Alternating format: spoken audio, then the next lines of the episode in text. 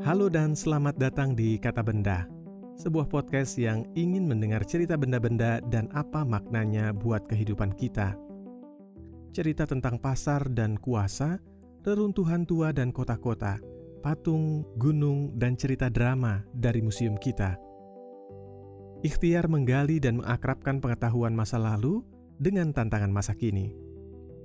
Kata benda diproduksi oleh Pusat Penelitian Kemasyarakatan dan Budaya, Fakultas Ilmu Pengetahuan Budaya, Universitas Indonesia. Didukung Pusat Penelitian dan Kebijakan Kementerian Pendidikan dan Kebudayaan Indonesia. Saya Hilman Handoni.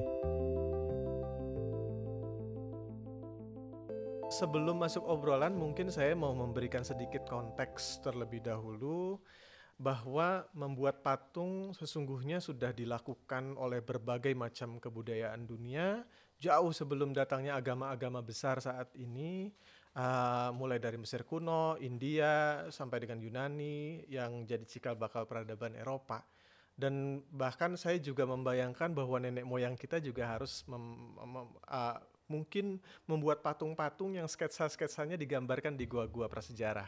Di masa ini juga kita bisa menjumpai eh, patung-patung megalitik yang mungkin punya aspek ritual bagi para menurut pendapat para ahli.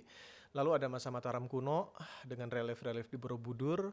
Lalu juga ada di zaman Singasari di abad ke-11, 12, 13 mungkin yang uh, indah, halus, detail dan seterusnya yang sekarang masih kita bisa jumpai di Museum Nasional Indonesia. Uh, lalu kita tiba pada saat ini 20-30 tahun terakhir di mana patung-patung uh, katakanlah misalkan saja patung-patung tokoh wayang di Purwakarta dirusak atau patung tiga, tiga mojang uh, karya seniman Inyo Manuarta juga dipindahkan. Di, Dan ini sebenarnya bukan gejala di Nusantara saja, di Indonesia saja di Afghanistan misalkan patung Buddha juga dirobohkan dengan alasan uh, uh, macam-macam.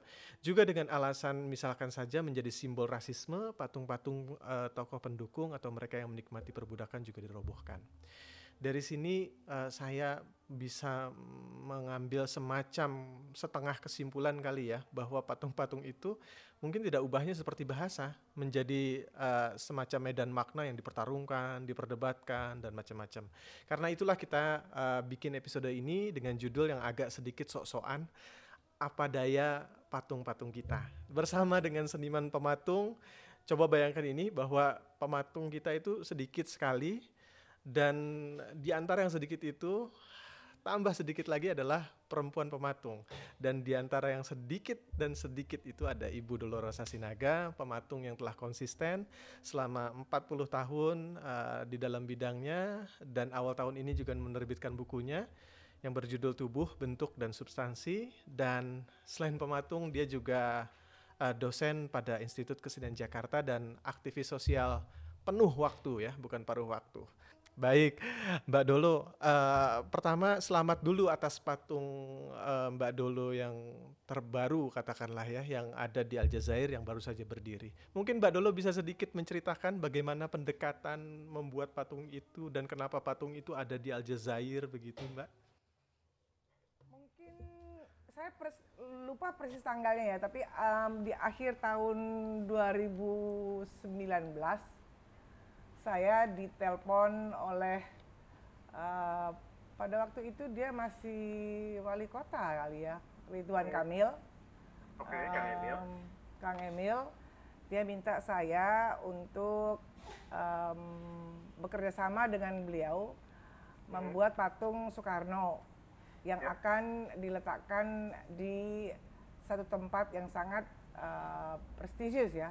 Dia adalah kawasan um, kantor um, ambasador kedutaan besar dan juga selalu diliwati oleh presi, uh, presidennya kalau mau ke kantornya gitu. Jadi di kawasan bundaran yang luar biasa prestisius lah. Nah, kemudian dia bilang saya mau um, mau minta Mbak Dulu bikin patung Soekarno.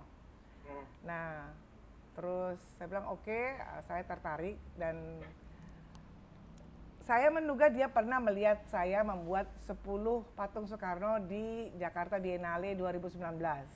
Okay. Yang di display instalasinya di di pelataran Museum Fatahillah.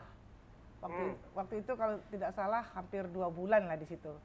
Dan banyak orang kehilangan ketika itu sudah tidak ada gitu.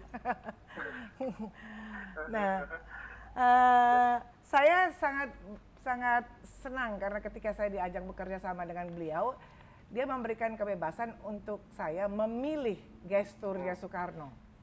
Ya, terus em, saya pilih gestur Soekarno yang menunjuk ke atas langit.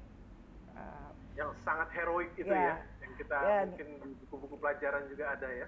kira eh, ya sang, eh, kalau tidak salah saya hanya me- membuat uh, aforism sedikit ya kalau itu kan sebetulnya dia mengatakan kepada kita eh, gantungkanlah cita-citamu setinggi langit kan tapi kalau di konteks em, dia ada di Aljazair saya menuliskan bahwa Soekarno tetap sampai saat ini charging the universe karena Afrika itu tetap kondisinya tidak maju setelah setelah uh, kolonialisme. Nah itu jadi buat saya itu penting bahwa em, saya sedang sekali ketika Pak Dirjen mengatakan Dolorosa menyambung kembali solidaritas Asia Afrika gitu, kira-kira dan itu Ya konteksnya juga harus kita lihat bahwa Aljazair dan Indonesia terikat nasib sama-sama jadi korban kolonialisme dan sama-sama menjadi motor uh, gerakan non blok juga begitu ya Mbak ya. ya, ya, Ah, ya. ah.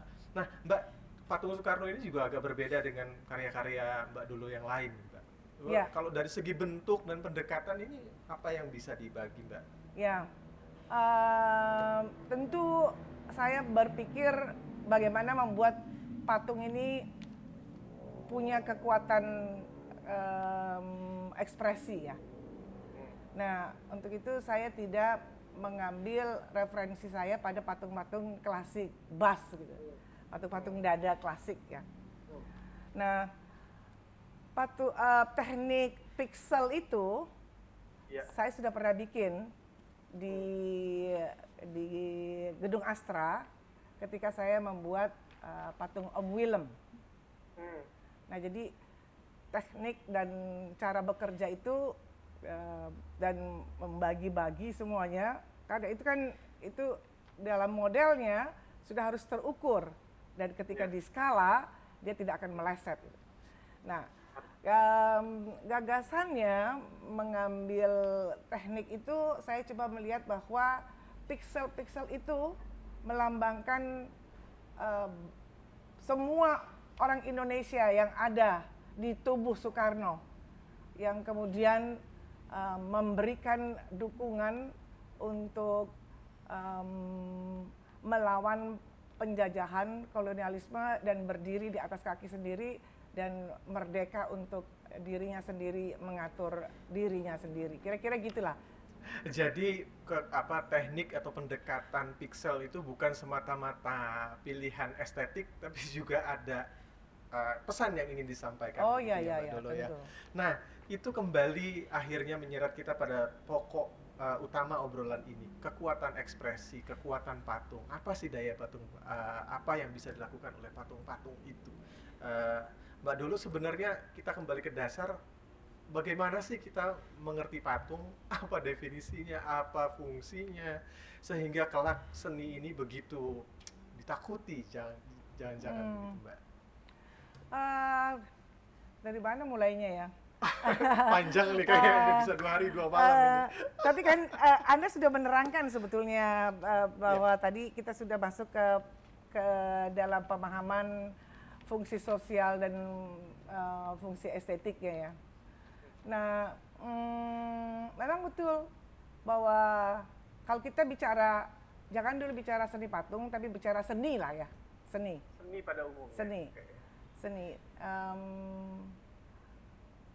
saya coba mengutip apa yang dikatakan oleh Graham Gordon, uh, filsuf pendidikan uh, Inggris, yang mengatakan bahwa uh, nilai sosial seni itu ada beberapa, beberapa aspek lagi. Dia yang pertama yang dia sebutkan adalah dia adalah sumber keindahan. Seni itu sumber keindahan. Yang kedua, dia adalah uh, medium komunikasi.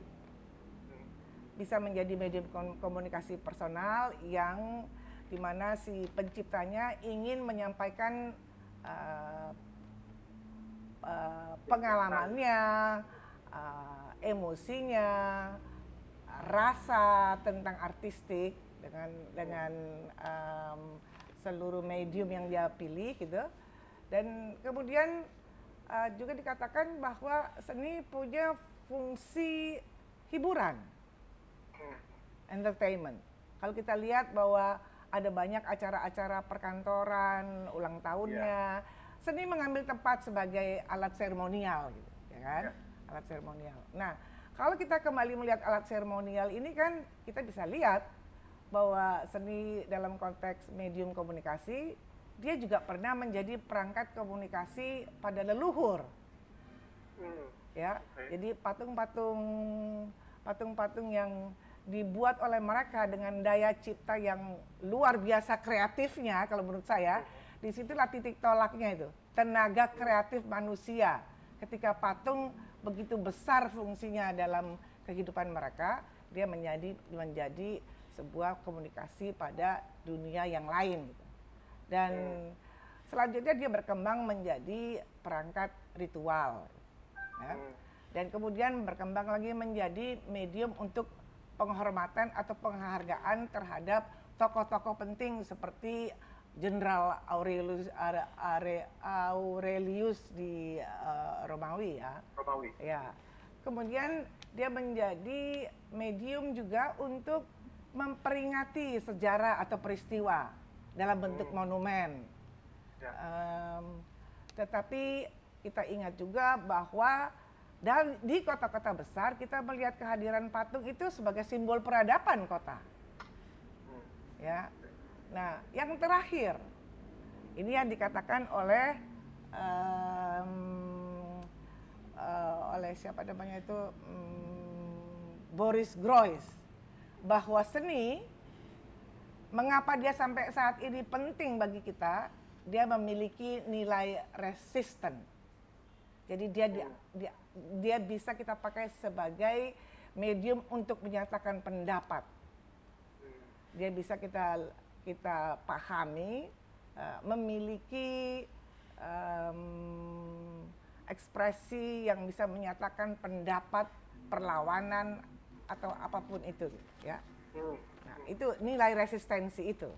Nah yang terakhir uh, seni juga bisa dianggap sebagai um, sekarang ini um, dipakai sebagai terapi kesehatan ya. Ya itu sudah ilmu itu sudah ada sekarang. Itulah kira-kira itulah kira-kira yang bisa membuktikan betapa pentingnya kehadiran seni dalam kehidupan manusia uh, seni musik seni tari teater film dan yang lain-lain bayangkan kalau itu tidak ada semua kita mau ngapain nih Hilman ya kira-kira gitulah hmm. baik Mbak Dolo tadi juga Mbak Dolo sorry sorry satu lagi fungsi edukasi oh, ya, silakan, silakan fungsi mm-hmm. edukasi. Oke. Okay. Nah itu yang itu penting juga ya. Nah, hmm. oke. Okay. Oke. Okay. Nah, Mbak Dulu tadi menekankan kekuatan bahwa daya imajinasi manusia di balik itulah yang kemudian menjadi sangat powerful, sangat berkuasa, sangat luar biasa begitu ya. Nah, uh, kemudian itu yang dituangkan ke dalam benda-benda, dalam uh, seni, dalam patung begitu ya. Dengan kata lain, ide atau gagasan di balik patung itulah yang kemudian patut diwaspadai atau patut di uh, ini. Dan apakah itu juga saya membayangkan begini bahwa patung itu sebenarnya nggak punya nyawa, nggak punya kekuatan, tapi sebenarnya ide di baliknya yang terakumulasi terus menerus yang akhirnya membuat seni patung itu menjadi powerful, menjadi uh, punya kekuatan. Bagaimana Mbak Dolo? Hmm sebetulnya um, contoh yang paling yang paling dekat dengan kita ya di Jakarta ini adalah legasinya legasinya Soekarno hmm. ya untuk melihat bagaimana seni itu adalah sebuah pemikiran gitu hmm. ya. karya seni itu adalah sebuah pemikiran. Jadi Soekarno seorang in, uh, seorang arsitek, uh, insinyur, um, tapi dia punya kepekaan ruang yang luar biasa dan juga punya kecintaan terhadap seni dan yang paling penting dia paham dia memahami seni memiliki kekuatan ekspresi yang bisa membuat uh, orang menyadari sesuatu dari dari dari ekspresi itu. Apa kira-kira yang yang ingin disampaikan? Nah, kalau kita membaca peninggalan patung-patung Soekarno, kita bisa lihat bagaimana pembebasan Tugu Irian uh, pembebasan Irian Barat itu luar biasa sebagai sebuah pernyataan bahwa saya kita akan membangun bangsa ini tidak akan lagi dijajah. Ya kan? Kita tidak mau lagi dijajah. Kita akan menjadi bangsa merdeka yang berdiri di atas kaki sendiri. Nah, yang kedua, kalau kita lihat Dirgantara, ya. bagaimana dia menemukan sebuah gagasan manusia yang seperti melesat ke udara. Ya. Seperti juga pedestalnya dia bikin dalam bentuk seven up, ya. ha? sangat mendukung. Kan? Jadi artinya dia ingin mengatakan inilah cita-cita kita sebagai nation. Kita hmm. sudah pernah jaya di laut, tetapi kita juga satu saat akan jaya di udara. Luar biasa kan? Luar biasa. Luar biasa. okay. nah, nah, yang ketiga. Itu, okay, yang silakan. ketiga adalah um, Tugu Selamat Datang. ya. ya. Ya.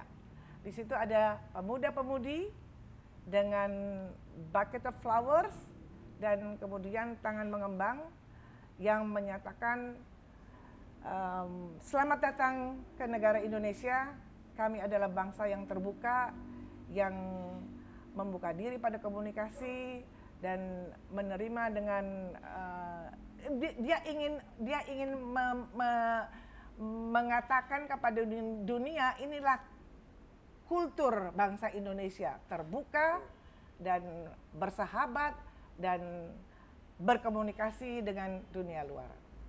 Hmm. Oke, itu sebenarnya bagian kedua pertanyaan atau obrolan kita, tapi sudah diterangkan dalam dengan baik sekali oleh Mbak Dolo. Jadi itu saya akan buang pertanyaan di bagian kedua. Tapi uh, Mbak Dolo, kalau kita melihat uh, patung Bundaran HI, patung Dirgantara, patung Irian uh, pembebasan Irian Barat yang demikian powerful ya, bentuknya juga sangat uh, macho begitu. Nah uh, kan dibentuk ekspresi seni itu kalau kalau nggak saya agak ini ya apa kalau saya nggak salah nih ada bentuk yang sifatnya realistis naturalis begitu ya yang meniru uh, bentuknya yang ada di semesta atau yang abstrak begitu ya. Nah apakah pendekatan yang abstrak dengan pendekatan yang realis ini punya daya yang sama mbak Dolo? Hmm, tentu tentu berbeda tentu berbeda kekuatan ke, kekuatan kekuatan uh, yang bisa disampaikan kepada spektator itu kan tentu berbeda ya. ya. Kalau dia berbentuk abstrak, artinya yang yang terlihat adalah sebuah pengolahan secara formalis hanya hmm. elemen-elemen rupanya saja, hmm. yaitu bentuk, uh, warna, um, mungkin juga mungkin juga ruang pembagian ruangnya jadi penataan seluruh elemen-elemen uh, seni rupa itu elemen-elemen rupa itu itu menjadi pertaruhannya dan disebutkan sebagai ekspresi estetik hmm. ya okay. dan luar biasa patung-patung abstrak itu luar biasa daya daya olahnya ya daya olahnya tapi kalau kita bandingkan dengan sebuah uh, patung atau monumen yang umpamanya seperti kita melihat Pieta, hmm. ya, atau kita melihat uh, monumen um, monumen yang pernah dibuat menandai perang umpamanya ya atau Burgers of Calais di Prancis kita bisa terpukau melihat bagaimana seniman itu mengolah tubuh manusia menjadi peristiwa. Ya. Ya, itulah yang mengingatkan orang pada banyak hal. Bisa mengingatkan pada sejarah, bisa mengingatkan pada penderitaan manusia, bisa mengingatkan pada seorang ibu yang kehilangan anaknya, ya, yang diculik gitu, ya.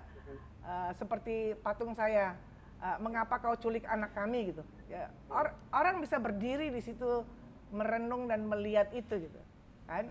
Seperti patung saya tentang 98 yang mm, mahasiswa dibo- dibopong sama teman-temannya yang tertembak gitu. Jadi uh, ada ada sebetulnya perbedaan yang sangat esensial ketika kita mengalami persinggungan dengan ekspresi estetik tetapi di lain sisi kita juga bisa mengalami persinggungan ekspresi estetik yang punya makna lebih jauh dari sekedar estetik tetapi sebuah uh, kepedulian sebuah uh, yang me- yang me- mengekspresikan um, ingatan kita pada hal-hal tertentu.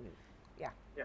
Nah, eh, berarti tantangannya sudah jelas di situ ya bahwa seorang seniman harus mampu menemukan bahasa, bentuk dan lain sebagainya ya, sebuah ekspresi yang sangat ringkas, padat begitu eh, untuk di apa? Untuk di ah, telaah, dimakan, dikunyah dan mendapatkan banyak sensasi di eh, lidah pengunjung atau penonton atau publik begitu ya, Mbak ya?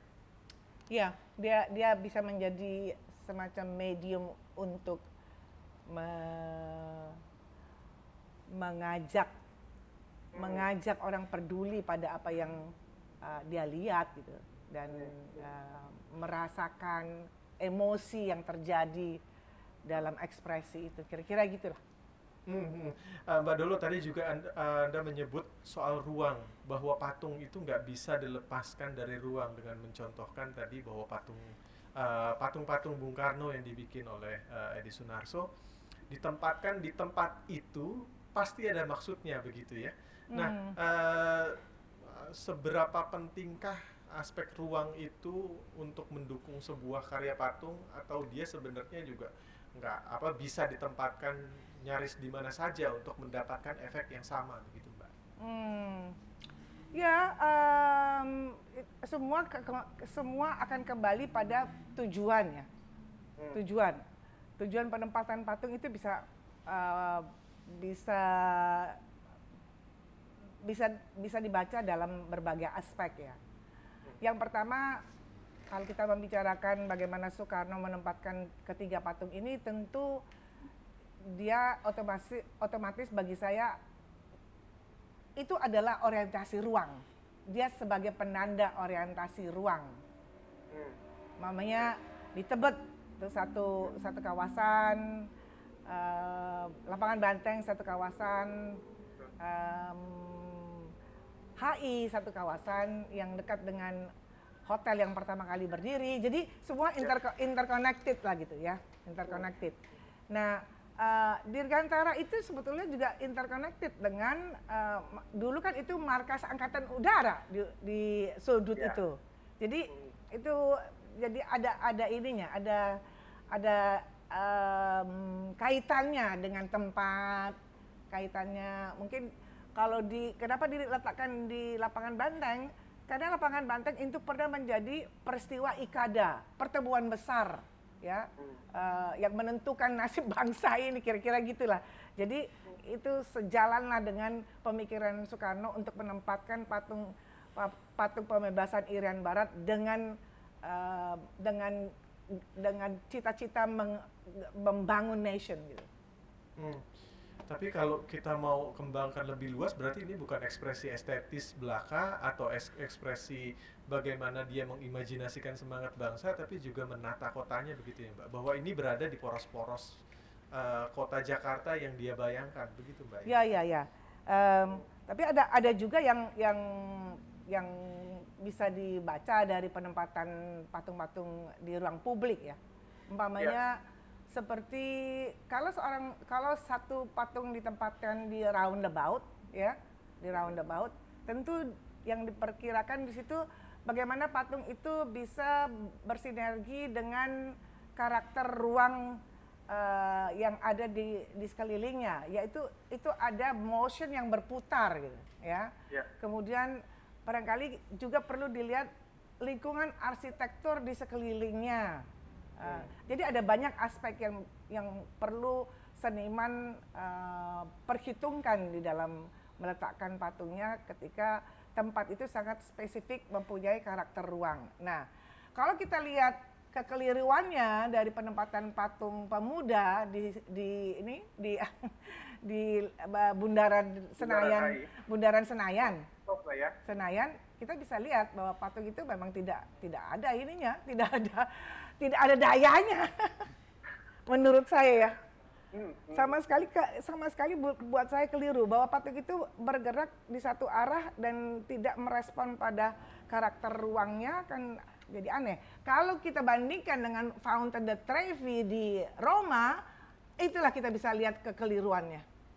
Nah, harus ada bandingannya begitu ya, untuk ya, saya sudah ya. saya memberikan bandingan. Kau bisa kau Betul. tahu kan Fountain de Trevi di Roma Iya, iya, bagaimana iya, iya, seke- dari sekeliling pun terlihat indah patung itu Iya. karena orang akan mengelilinginya gitu. Nah, sekarang coba kita lihat patungnya em, yang bukan di yang bukan di bundaran tetapi em, patung kuda yang dibuat oleh Nyoman mamanya Ya, ya kan secara ruang kan sebetulnya eh, penguasa itu meminta dia ini bukan nyoman yang pilih ya tempatnya ya Ya. penguasa itu meminta dia membuat pulau sendiri karena Ya. tidak mau dibikin di kolam sehingga dia bikin di depan kolam dan kereta itu lari menuju kolam kan kelihatan begitu kan secara ya, ruang ya, kan ya. Secara ruang dan ternyata benar kekuasaan Orde Baru itu memang menyemplung jadi, jadi, jadi dari bentuk seperti itu aja kita bisa mendapatkan cerita universe yang baru, pengetahuan yang baru. Itulah eh, mungkin hebatnya seni patung ya. Eh, baik, Mbak Dolo, eh, yang juga tadi kita bicara soal ruang. Sekarang kita bicara soal ruang dikaitkan dengan pengerusakan. Eh, bahwa kejadian seperti ini udah banyak sekali. Eh, Purwakarta cuma salah satunya bahwa eh, nah, itu patung-patung pemerintah mungkin ya apa yang bisa digarisbawahi mungkin itu patung pemerintah di ruang publik gitu. Tapi patung tiga mojang itu ada di kawasan dalam tanda kutip kawasan privat kawasan pengembang milik swasta. Tapi tetap juga dirobohkan gitu ya.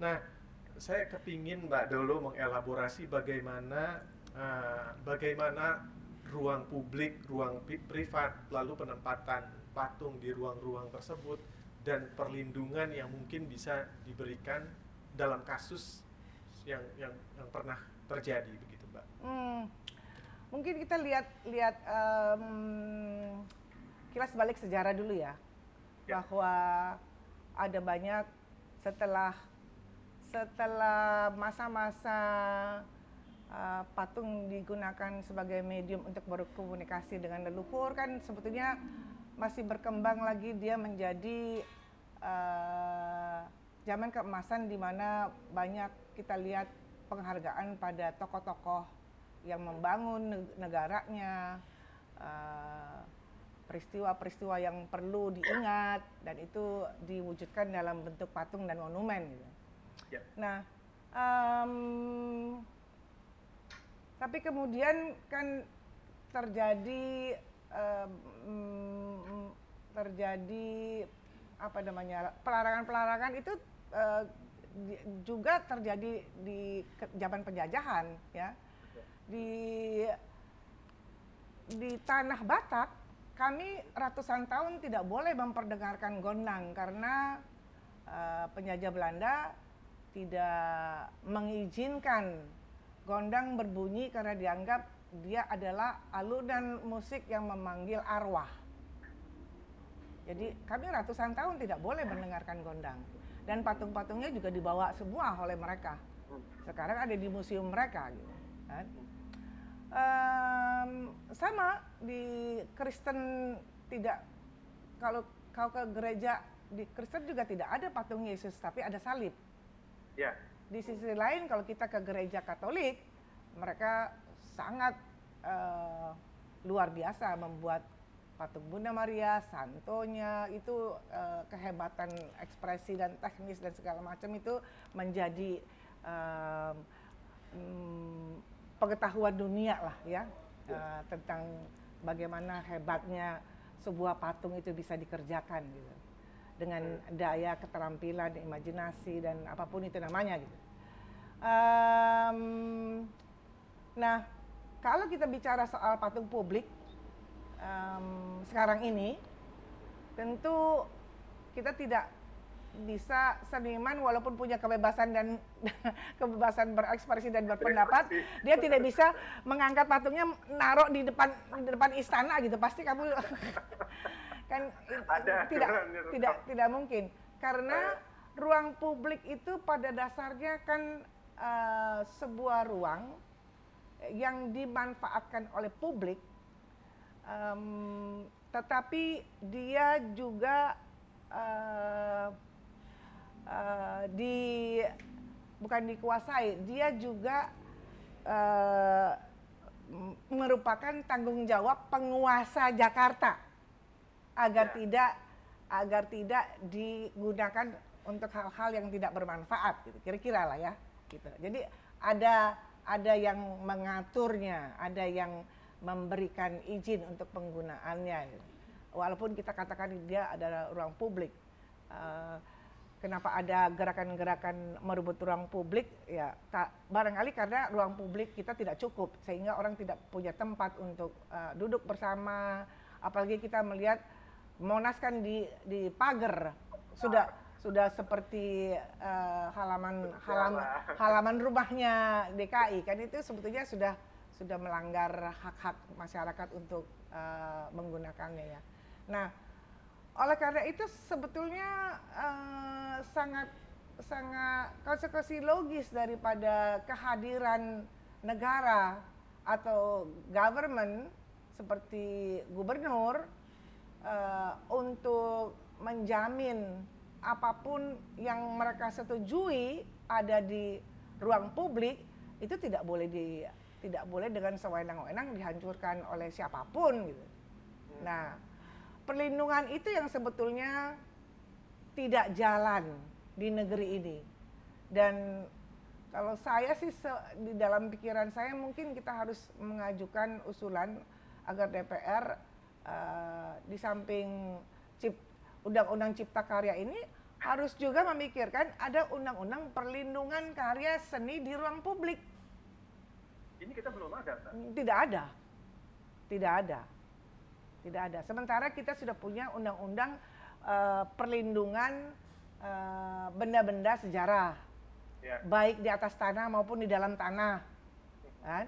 Tapi kita tidak punya undang-undang perlindungan karya-karya seni yang ada di ruang publik yang bisa se, uh, sewenang-wenang diturunkan.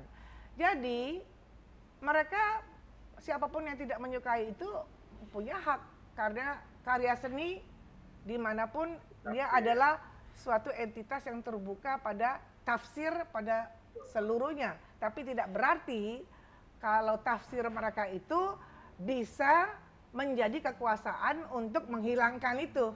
Nah itu sebetulnya yang harus dilindungi oleh undang-undang. Harus dilindungi oleh negara. Harus bisa dilindungi oleh government kira-kira gitulah kalau menurut saya ya nggak ada jalan ya. lain karena um, bagaimanapun kalau kita melihat bahwa karya seni justru uh, satu uh, satu apa satu medium yang yang semua orang bisa berpendapat memberikan ya. reaksinya tapi dia seharusnya reaksi itu menjadi diskursus, menjadi dialog, menjadi menjadi uh, sangat terbuka semua orang bisa menyatakan pendapatnya tapi tidak merusaknya gitu. Hmm. Mbak, kalau dalam kasus-kasus uh, patung-patung yang ada di ruang publik itu kan kebanyakan juga bahkan diinisiasi oleh pemerintah setempat begitu ya. Di Purwakarta di Riau juga ada uh, beberapa eh ada patung juga yang yang dibangun oleh pemerintah tapi kemudian juga karena publiknya nggak setuju dipindahkan lagi. Nah, kalau itu kan lebih kepada ya oke okay lah bahwa itu milik pemerintah. Jadi ketika pemerintah atas desakan publik se segolongan publik, itu, segolongan pihak itu kemudian menurunkan, ya itu urusan lo pribadi deh gitu, karena itu pemerintah. Kau yang memulai, kau juga yang mengakhiri, berarti kayak begitu singkatnya. Tapi beda halnya dengan eh, patung-patung uh, yang ada di ruang privat begitu ya mbak, bahwa mereka ini kan sebenarnya di apa ya, dibeli, di commission, lalu berdiri di atas tanahnya si pengembang begitu, tapi tetap aja dapat protes kalau ini jalannya apa ya Mbak? Jalan tengahnya Mbak? Saya pikir ya uh, mesti ada, mesti mesti ada hukum. Hmm. Kalau undang-undang itu kan hukum. Hmm. Jadi mau mau mau negara atau uh, pemerintah setempat yang membangun itu, ya. kalau umpamanya masyarakatnya menyatakan pendapat tidak menyukainya dan apa gitu tapi tidak boleh menghilangkannya. Kalau sudah ada undang-undang kan sudah diatur. Hmm. uh, pasti sudah bisa diatur bagaimana menyelesaikan kalau ada uh, sekelompok masyarakat yang tidak menyukainya atau bagaimana gitu. Tapi saya pikir saya pikir mesti ada jalan keluarnya sehingga dia tidak menjadi um, ruang publik itu kan sebuah ruang yang seharusnya uh, tidak menjadi milik milik seseorang atau segolongan orang saja gitu. Iya. Jadi maka, oleh karena itu perlu diatur, perlu dibuatkan uh, undang-undangnya sehingga ada hukum yang bisa melindunginya. Kalau undang-undang hak cipta itu bagaimana, Mbak? Apakah itu cukup? Atau enggak kan, kan kalau itu kan hak cipta undang-undang hak, ya, hak cipta, cipta. kalau ini kan undang-undang di ruang publik oh, oke okay. jadi yang yang yang di yang dituliskan itu publik ruangnya bagaimana hmm. publik berinteraksi dengan ruangnya itu harus di hmm. harus ada perlindungan negara harus diundang-undangkan jadi bisa diatur hmm. diatur hmm tidak mengatur tidak mengatur uh, atau menekan kebebasan berpendapat dan berekspresi, tetapi ya. ketika ruang itu menjadi persoalan kan uh, seharusnya ada sama seperti aksiom uh, reason is the sources of all law, hmm. ya kan? Jadi kalau ada alasan, terpaksa kita harus membuat perlindungan, membuat undang-undang, membuat hukum sehingga sehingga kita semua tahu batasan-batasan kita. Kita punya kebebasan bukan berarti kita tidak punya punya punya uh, batasan. Ada, ada hukum yang hmm. membatasi kita tidak boleh membunuh gitu. Kalau enggak ya barbar semuanya ya, kita ya. ya. uh, ya tapi juga artinya kuncinya tuh hukum ya mbak ya bukan ya. kemudian menurunkan standarnya standar penciptaan seniman misalkan begitu ya atau nanti kelak mungkin akan ada self censorship saya juga nggak tahu persis ya mungkin akan terjadi gitu. tapi itu mungkin akan terjadi ya mbak ya kalau memang penekanan hukum ini tidak dilakukan um, satu-satunya jalan kita harus mencoba melihat apakah pendidikan kita sudah cukup memberikan pengetahuan ke situ ah, ya. Oke, edukasi. Ya, pendidikan. Artinya pendidikan itu penting melihat bahwa um, seni adalah sebuah daya. Sebuah daya cipta yang luar biasa bagi bagi kehidupan manusia gitu. Kan. Bahwa dia memberikan inspirasi, yes dia membuat kita kalau saya selalu uh, mengatakan kepada mahasiswa saya seni itu mencerdaskan bahwa seni itu mendidik kita untuk menghormati perbedaan. Jadi uh, saya pikir uh, itu mesti bisa di terus dikumandangkan supaya supaya uh, generasi yang tumbuh ini pun melihat bahwa uh, ketika dia menonton film-film atau film anak-anak atau film orang dewasa dia uh, mendapatkan beberapa pesan moral, mendapatkan uh, uh, bagaimana mengatasi persoalan. Itu kan pengetahuan ya. Jadi um, seni itu mencerdaskan dan seni itu mendidik kita untuk menghormati perbedaan. Hmm. Oke, okay, baik itu penting banget, Mbak. Uh, selanjutnya uh, kita mungkin ke arah yang lebih ringan dalam tanda kutip begitu ya, Mbak ya. Bahwa uh, kayaknya kan selain Soekarno, era era Bung Karno tahun 60-an tampaknya tidak terlalu banyak patung-patung atau monumen-monumen yang yang yang dibangun di kota-kota yang semonumental itu gitu ya mengecualikan Garuda Wisnu Kencana tentu saja. Nah, ini bisa dibaca sebagai penanda apa ya, Pak? Apakah ini artinya seni patung tidak menarik atau pemerintah atau atau uh, penguasa yang tidak menarik? Uh, sebetulnya um, sulit juga ya sampai puluhan tahun gitu. Sepertinya kita tidak punya, kita punya, uh, kita punya sejarah, sejarah yang luar biasa hebat ya dalam uh, dalam seni patung ya. Um, kita punya di Bali kita punya cokot kan, uh, yang meneruskan seluruh aktivitas pengrajin Bali di dunia patung kan dari sana munculnya gitu. Uh, di Indonesia di di Indonesia ini um, memang uh, pengetahuan seni rupa bisa dibilang uh, sebagai pengetahuan ya uh, juga kan belum lama kita baru membuka sekolah itu tahun 50-an gitu kan. Ya.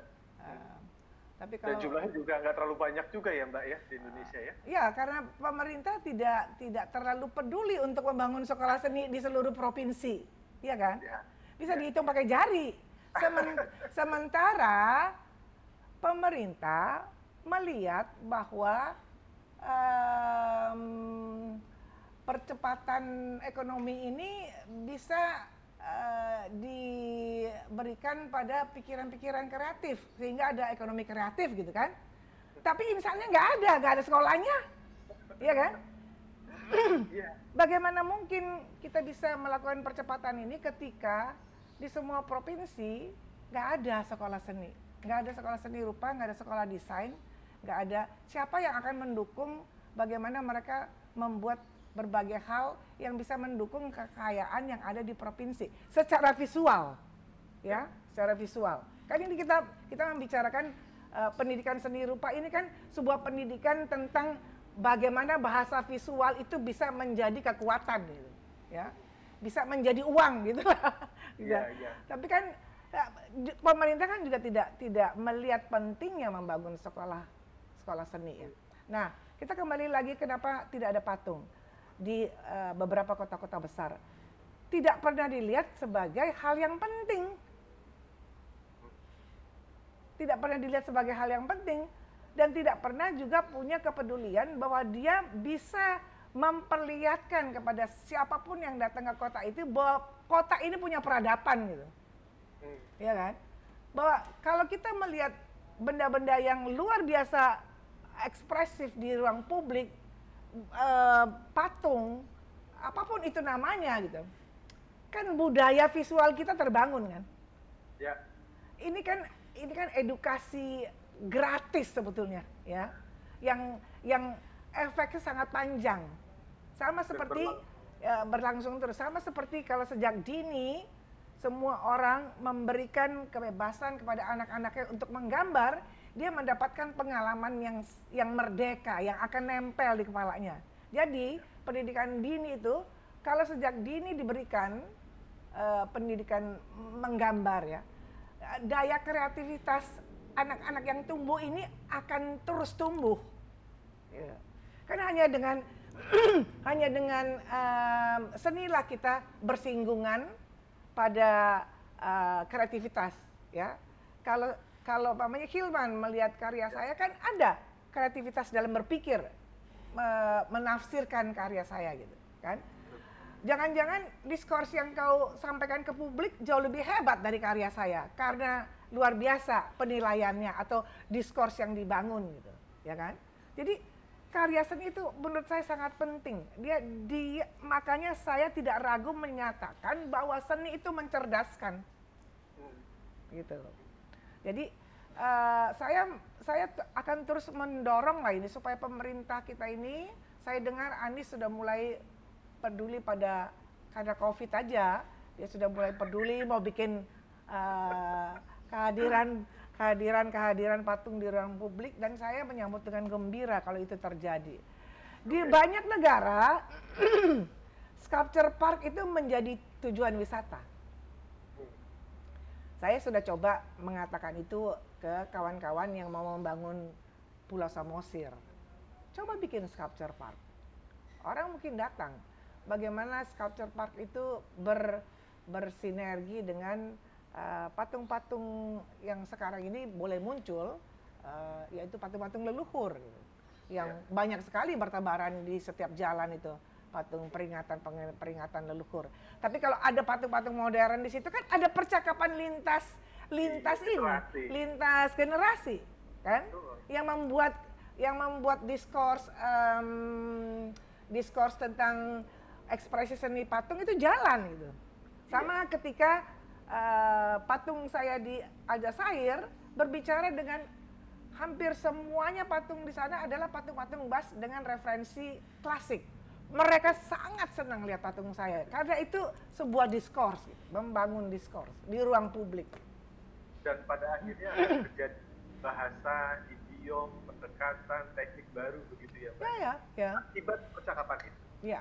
Nah, uh, saya juga uh, berarti kalau kita mau make case begitu kepada kepada pembangun kota atau penata kota begitu, kenapa kalian uh, butuh uh, patung di ruang-ruang publik kalian? Maka uh, apa yang bisa dijadikan argumen? Karena kan pemerintah kebanyakan ini nih mbak, pembangunan dan duit, pariwisata, industri begitu. Nah, hmm. Nah, uh, apa yang bisa kita ajukan selain tadi bahwa nah, nilai edukasi itu penting, nilai percakapan budaya itu penting dan seterusnya. Tapi ini loh, kalian kan penguasa nih, kalau mau uh, apa membangun uh, apa ekonomi juga bisa melalui kesenian, gitu pak. Apa yang bisa kita sampaikan kepada yang menganggap enteng uh, kontribusi seni pada pembangunan? Ya, Uh, ini pekerjaan panjang. Nomor satu kita membenahi pendidikan kita. Hmm. Pendidikan seni itu harus diberikan. Uh, yang kedua kita mesti mendorong pemerintah menyadari pentingnya uh, undang-undang atau hukum ya. melindungi karya di ruang publik uh, sehingga tidak akan terjadi konflik ya. ya. Dan sama-sama sama-sama belajar. Negara ini adalah negara hukum. Ruang ya. publik itu bukan um, milik golongan tertentu um, dan uh, pemerintah harus bertanggung jawab juga dia mesti hadir pada setiap konflik dan itu harus menyadarkan mereka untuk menyelesaikan perkaranya hmm. jadi hmm. kalau kalau Hilman bertanya kepada saya apa sekarang yang bisa dibuat kalau saya jadi Nadim yang pertama ya. saya akan membenahi kurikulum supaya hmm uh, pelajaran seni itu yang dia sebutkan sebagai merdeka belajar konsisten ya. bahwa seni itu adalah uh, seni itu adalah uh, di dalamnya orang merdeka ketika mencipta itu orang mencipta itu merdeka eh? orang merdeka ketika dia membuat membuat apa saja ya dia seharusnya bisa dilihat dia dilindungi oleh undang-undang kebebasan berekspresi dan berpendapat. Saya ya. pikir apa pun yang dilukiskan atau dipatungkan um, itu harus diterima halayak sebagai sebuah uh, pendapat, sebagai sebuah pertukaran uh, pertukaran um, rasa atau uh, sebuah pemikiran. Kembali lagi dia harus dilihat sebagai sebuah pemikiran. Hmm, Oke, okay. Mbak sudah hampir satu jam kita berbicara. Saya akan menutup uh, perbincangan kita dengan satu pertanyaan yang mungkin agak suram, Mbak. Mudah-mudahan uh, bisa menjawabnya uh, juga dengan optimis, dengan agak optimis. Tapi ini agak suram gitu ya. Uh, bahwa tren konservatisme, populisme di dunia itu kan uh, semakin menguat. Ya. Trump dan uh, Brexit dan seterusnya begitu ya. Konservatisme apa pun basisnya itu semakin menguat dan itu artinya juga peluang-peluang uh, untuk penghancuran katakanlah patung atau bentuk kesenian yang nyeleneh yang mewakili pikiran-pikiran lain yang tidak mainstream di masyarakat itu represinya kemungkinan besar akan semakin tinggi. Kalau uh, prediksi atau ini pendapat jujur Mbak dulu, bagaimana kehidupan seni rupa kita, seni patung kita di masa yang akan datang di tengah menguatkan? Uh, saya mau berpendapat dulu ya tentang perubahan-perubahan di di pada waktu BLM itu ya. Boleh. Oke. Okay. Ya, uh, menurut saya begini, saya setuju, saya setuju mereka menghilangkan itu di ruang publik. Ya. Tetapi tidak menghancurkannya dia harus dipindahkan ke museum. Ya. Karena apa? Karena museum itulah tempat orang semua melakukan refleksi sejarah dan mendapatkan inspirasi. Ya. ya. Jadi dia tidak boleh hilang. Hmm. Dan itu penghargaan juga bagi penciptanya. Ya. Dan itu sejarah. Jadi dia harus masuk museum, tidak dirobohkan. Itu itulah yang tidak dikerjakan oleh hukum. Sebetulnya harus dilindungi dia. Hmm. Tapi saya setuju dia dihilangkan karena dia tidak lagi bisa dipertahankan di ruang publik sebagai inspirasi. Hmm. Dia harus di dia harus dikurung dia, dia harus diku, dikembalikan ke museum sebagai sebagai sejarah saja, sebagai sejarah, ya. ya nah, ya, itu ya. itu itu itu itu kerisauan saya sebetulnya.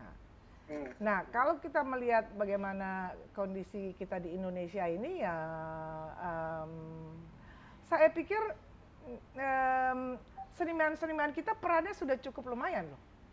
Mereka sudah punya banyak yang punya nama secara secara ya. internasional ya, diundang ke beberapa bienal, internasional biennale gitu, dan art fair dan macam-macam. Dan jejaring kurator kita di dunia internasional pun suka cukup banyak gitu. Ya. Nah, um, kalau kita bicara tentang konservas, uh, konservatisme um, ke depan melihat bagaimana bagaimana masa depan the world citizen gitu kira-kira ya. ya, ya. Uh, menurut saya juga juga penting barangkali kita simak sekarang ini ya. Uh, uh, bagaimana kita terus-terusan seperti apa uh, apa namanya kita mencoba untuk uh, membangun demokrasi tetapi um, bahwa kebencian-kebencian itu tetap ada ya sebagai sebagai saya nggak tahu saya saya saya menduga ini warisan orde baru ya bahwa kita tetap membenci. Um, uh, kita punya persoalan pada aspek humanitas. Setiap orang itu kan punya kebaikan ya, punya virtu sebetulnya ya, yang di dalam diri ya, manusia, di ya. dalam dari itu yang tidak dibangun.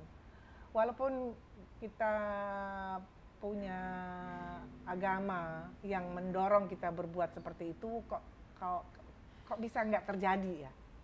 Nah, ini kan ada ada kekuasaan yang menjadi menjadi um, penting dalam kehidupan gitu, ya. Uh, kalau Buddha kan mengatakan if you have power don't try to control but to govern govern mengatur, tapi not to control gitu. Nah, kekuasaan yang besar inilah yang menjadi luar biasa di kepala mereka. Kalau mereka punya ya semua orang bisa dikuasai gitu. Nah, dari institusi um, membangun power relasi inilah yang membuat kita gampang nih untuk yeah. membangun demokrasi kan. Nah, uh, buat saya barangkali uh, walaupun gerakan human rights ini baru dikenal di abad ke-20, ini tetap harus kita uh, kita jaga. Kedaulatan ini perlu ada. Karena di dalam dalam gerakan human rights lah ada humanity. Ya. Menurut saya itu yang paling penting. Dan saya positif, saya akan tetap ada di sana. Saya saya tetap akan memperjuangkannya dan terutama saya juga ingin memperjuangkannya di bidang pendidikan, di bidang di bidang uh, seni sebagai produk budaya, bagaimana membangun budaya kita, bagaimana membangun budaya visual kita supaya kita semakin cerdas gitu. Itu itu saya saya akan terus berjuang di situ. Dan tetap akan membuat patung-patung yang akan memberdayakan orang, Mbak? Oh iya, tentu. tentu. Saya saya 2022 eh, saya sudah punya rencana saya akan pameran tunggal memperingati 70 tahun saya. 70 tahun masih energetik ya. Dan dan patung-patung saya itu akan terdiri dari saya akan membuat sembilan desain monumen um, tentang uh, pelanggaran human rights. Sembilan. Saya nggak akan ceritakan nanti kamu mesti datang lihat ya. Kamu mesti datang lihat. Dan saya juga akan mm, membuat uh, patung tentang tokoh-tokoh tapi tidak dalam wujud uh, apa uh, sosok ya mamanya saya akan membuat Munir uh, kan dulu ada istilah ketika kematiannya itu Garuda Deadly Upgrade gitu. Eh? Ya, Jadi untuk itu ya. saya ya. akan lihat bagaimana saya bisa membangun sebuah instansi negara membunuh seorang aktivis gitu ya. Hmm. Jadi pasti di situ ada kapal terbang kali tempat duduknya apa aja saya nggak tahu belum dapat saya belum, dapat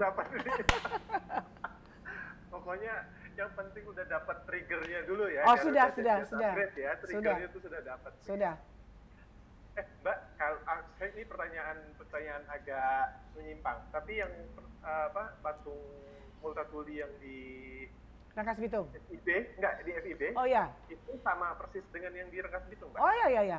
Tapi ya? dia hanya kalau di Rangkas Bitung itu kan saya sebutkan sebagai monumen interaktif. Uh -huh, uh -huh. Satu-satunya di Indonesia.